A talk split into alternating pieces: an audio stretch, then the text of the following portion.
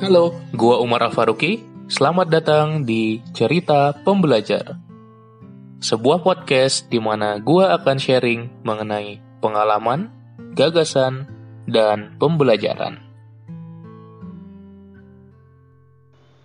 Assalamualaikum warahmatullahi wabarakatuh. Kembali lagi di podcast Cerita Pembelajar. Pada episode kali ini gua ngerekam ketika momen Idul Fitri, momen Lebaran, hari raya Idul Fitri di mana kita yang umat muslim merayakan setelah 30 hari berpuasa di bulan Ramadan. Dan hari ini merupakan hari yang fitri, oleh karena itu gue ingin meminta maaf, mohon maaf lahir dan batin buat semua listener cerita pembelajar. Kalau selama ini gue ada salah dalam penyampaian, salah dalam bertutur kata, dan mungkin masih ada kekurangan di sana sini, Gua mohon maaf dan terima kasih buat lu yang sudah dengerin hingga saat ini. Semoga lu tetap bisa mendapatkan manfaat-manfaat dari episode-episode cerita pembelajar terus ke depannya sehingga gua akan bisa terus memperbaiki diri. Momentum Hari Raya Idul Fitri adalah momentum yang menurut gue luar biasa gitu ya, hari kemenangan dan setiap tahun kita merayakan dengan sholat id dulu bareng-bareng di masjid atau di lapangan, kemudian bersilaturahmi dengan keluarga besar. Akan tetapi karena adanya COVID di tahun ini, adanya coronavirus disease 19 ini membuat kita tidak bisa melakukan hal tersebut, membuat kita hanya bisa di rumah. Memang pilihan ya, ada beberapa yang memilih ya nggak apa-apa lah gitu ya, karena keluarga besar uh, memilih tetap datang, tetap berkumpul. Tapi kalau keluarga gue pribadi memilih untuk di tetap di rumah saja gitu ya. Mungkin komunikasi bisa lewat call berbagai platform yang tersedia, namun akan memilih untuk di rumah saja sehingga ada yang kurang gitu rasanya, ada yang berbeda daripada Idul Fitri Idul Fitri biasanya. Ingat banget ketika setiap Idul Fitri pasti ke rumah nenek, eh, kemudian bertemu dengan paman, bibi dan keluarga besar, makan lontong bareng-bareng. Dan itu adalah seakan-akan seperti budaya yang setiap tahun gue gua jalani hingga saat ini. Namun ini membuat tidak bisa ya karena harus tetap stay di rumah saja. Tapi apa sih hikmah yang bisa kita ambil dari situ? Kalau menurut gue pribadi, momen Idul Fitri atau momen hari kemenangan adalah sebuah momen yang membuat kita bisa reflect kembali gitu ya. Karena tadinya di Ramadan kita sudah berusaha dan berupaya untuk beribadah memperbanyak amal ibadah kita. Dan sekarang muncul Idul Fitri yang uh, seakan-akan kita jadi bersih kembali gitu ya. Tentu semuanya tergantung dengan bagaimana kualitas puasa dan ibadah kita tapi itu membuat kita menjadi seharusnya suci kembali gitu.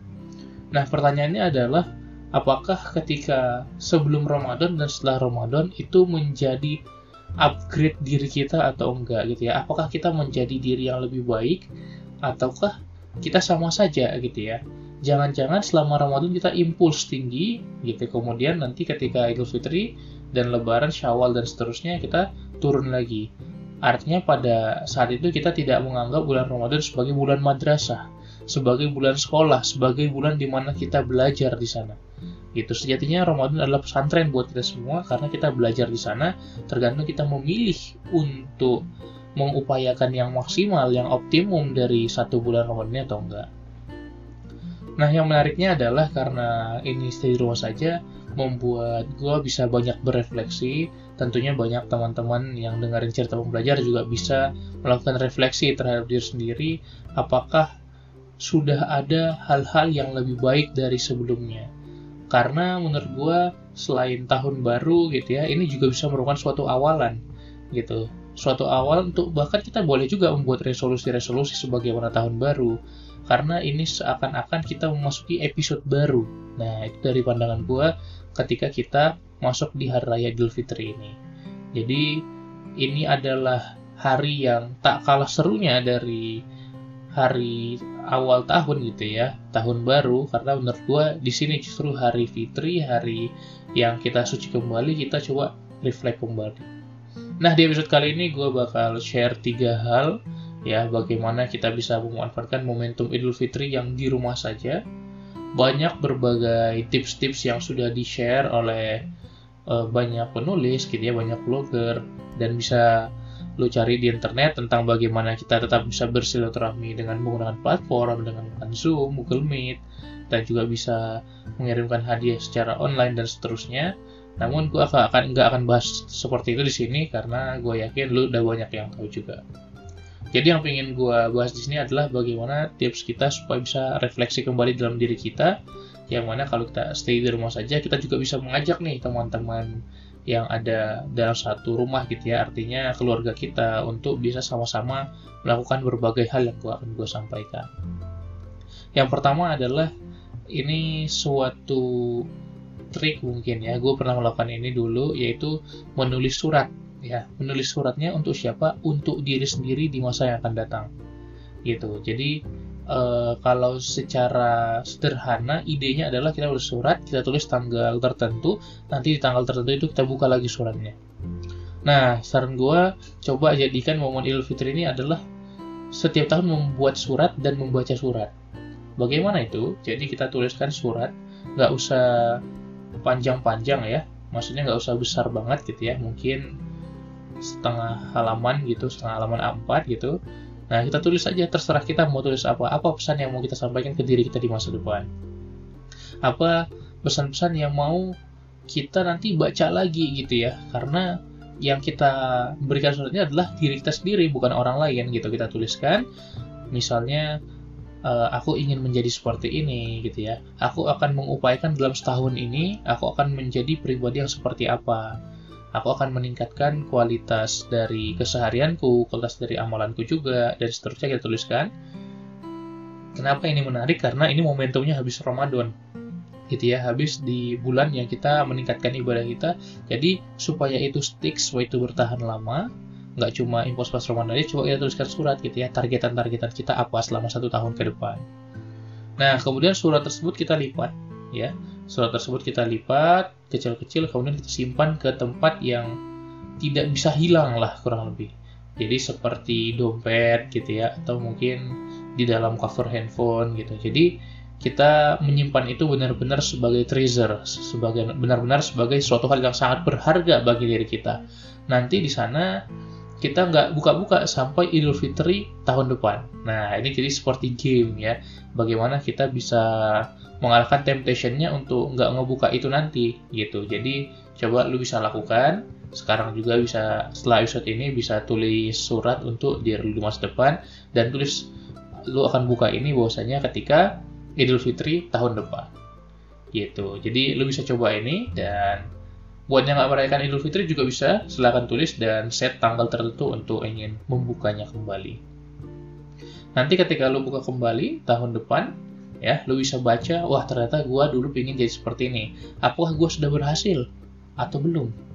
Gitu. Jadi kita bisa mendapatkan moment of reflection di sana dan nanti di tahun depan kita juga menulis apa yang kita inginkan kita ingin jadi seperti apa untuk Idul Fitri tahun depannya lagi gitu ya. Jadi kita setiap Idul Fitri membaca dan menulis membaca dan menulis. Itu yang pertama. Yang kedua adalah melakukan journaling gitu ya. Jadi journaling ini sering gue lakukan untuk bisa bukan merekap ya lebih tepatnya bercerita gitu ya. Jadi gue di pagi hari melakukan morning pages atau journaling di mana orang pertama yang gue ajak ngobrol itu adalah diri gue sendiri bukan orang lain gitu. Jadi kita mengajak ngobrol gitu diri kita sendiri sebelum mengajak ngobrol orang lain. Di situ gue ceritakan apa yang gue rasakan apa yang gue pikirkan apa yang akan gue rencanakan ke depannya.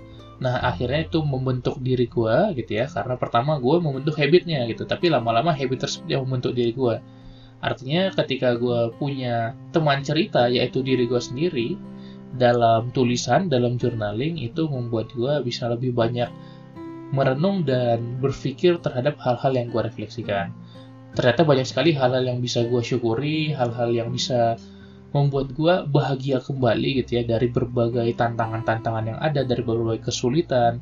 Ya memang benar kalau kalau misalnya kita pernah baca setelah adanya kesulitan pasti ada kemudahan gitu ya. Tapi apakah kita bisa memaknai itu itu adalah PR bagi kita masing-masing nah coba lu tes untuk diri lu sendiri melakukan journaling ada yang ada pakai format, ada yang nggak pakai format itu bebas gitu ya. Kalau gue pribadi lebih seneng nggak pakai format gitu ya. Kalau misalnya lu pengen cari referensi bisa cari aja di internet namanya bullet journal. Jadi nanti situ udah ada prom-promnya ya. Udah ada pertanyaan-pertanyaannya. Apa yang kamu syukuri hari ini? Apa yang bla bla bla dan seterusnya. Jadi lu bisa gunakan pertanyaan-pertanyaan itu untuk menjawabnya dan menuliskannya di jurnal lu sehari-hari. Tapi kalaupun lu tidak mau pakai format juga boleh-boleh saja. Gitu. Jadi journaling ini silahkan kalau misalnya lu menggunakan yang konvensional gitu ya. Ada buku tulis gitu atau buku kecil lu catat di situ boleh. Kalau misalnya lu pengen melakukan secara digital juga boleh tapi gue personally rekomendasi yang konvensional karena menurut gue lebih feelnya lebih dapat gitu karena gue nulis di kertas daripada secara digital. Karena ini berbeda dengan note taking gitu ya ini bagaimana kita bisa bercerita. Kurang lebih seperti itu. Kemudian yang terakhir atau yang ketiga adalah bagaimana ternyata di Idul Fitri ini kan waktunya kita libur ya walaupun selama ini kita di rumah kan tapi tetap kita bekerja ya work from home beda bukan libur gitu ya bukan santai-santai mentang-mentang kerja di rumah kita tetap kerja. Namun sekarang ini kita ada Idul Fitri Lebaran ada cuti tanggal merah kita libur gitu. Nah kita bisa santai-santai di sini ya kita bisa bersenang-senang di sini dan it's okay untuk beristirahat sejenak sebelum nanti kita kembali bekerja lagi sebelum nanti kita kembali masuk kerja lagi atau sekolah atau kuliah tergantung lu yang denger nih seorang murid, mahasiswa, atau mungkin sudah karyawan, atau mungkin pebisnis gitu ya. Tapi it's okay kita mencoba beristirahat sejenak gitu dan please note bahwasanya waktu istirahat itu perlu kita agendakan juga gitu selain waktu-waktu kita berbisnis, waktu-waktu kita mengerjakan pekerjaan-pekerjaan kita, coba kita juga schedule waktu untuk beristirahat. Maksudnya seperti apa? Ketika kita melakukan pekerjaan salah satu minggu full gitu ya, coba kita agendakan Sabtu atau Minggu kita mau ke mana, kita mau eh, beristirahat seperti apa, kita mau menikmati akhir pekan seperti apa. Itu juga penting sebagaimana kita mengagendakan meeting kita, mengagendakan proyek-proyek kita dan tugas-tugas kita. Jadi memang terkadang kita perlu kembali lagi melihat diri kita, melihat kembali keluarga kita yang sudah sering dalam tanda kutip kita tinggalkan gitu ya.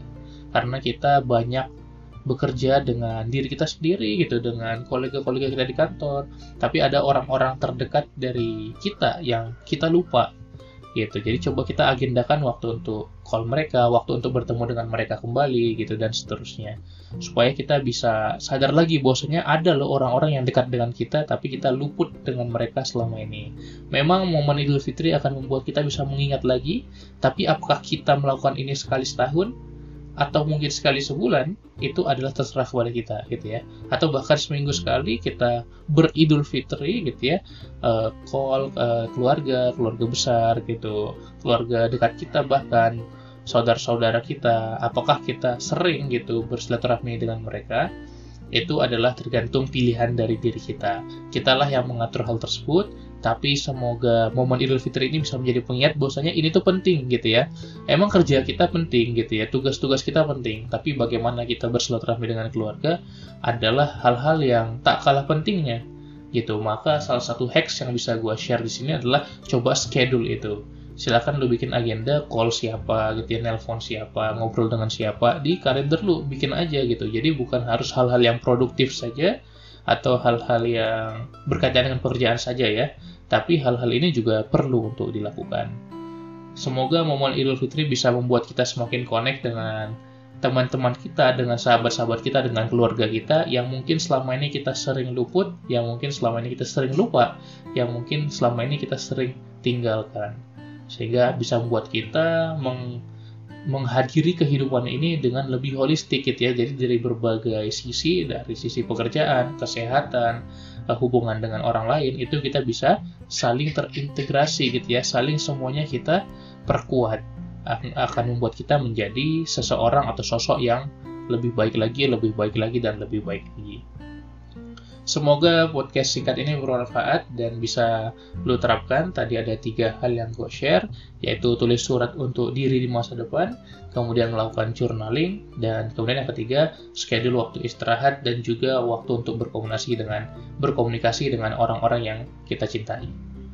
Sekali lagi selamat Idul Fitri buat yang merayakan, selamat Hari Idul Fitri, semoga amal ibadah kita di bulan Ramadan diberkahi dan diberikan ganjaran sebesar-besarnya dari Allah SWT. Gue sangat berharap untuk bisa terus konsisten memberikan podcast seperti ini buat semua listener cerita pembelajar. Dan sekali lagi silakan enjoy momen Idul Fitri ini. Mohon maaf lahir dan batin dari gue Umar Al Faruqi. Semoga lo bisa menikmati dan merayakan hari kemenangan ini serta mengambil hikmah dan pemaknaan sedalam-dalamnya. Sekali lagi terima kasih yang sudah dengerin sampai sini. Sampai jumpa di episode-episode berikutnya. Salam pembelajar.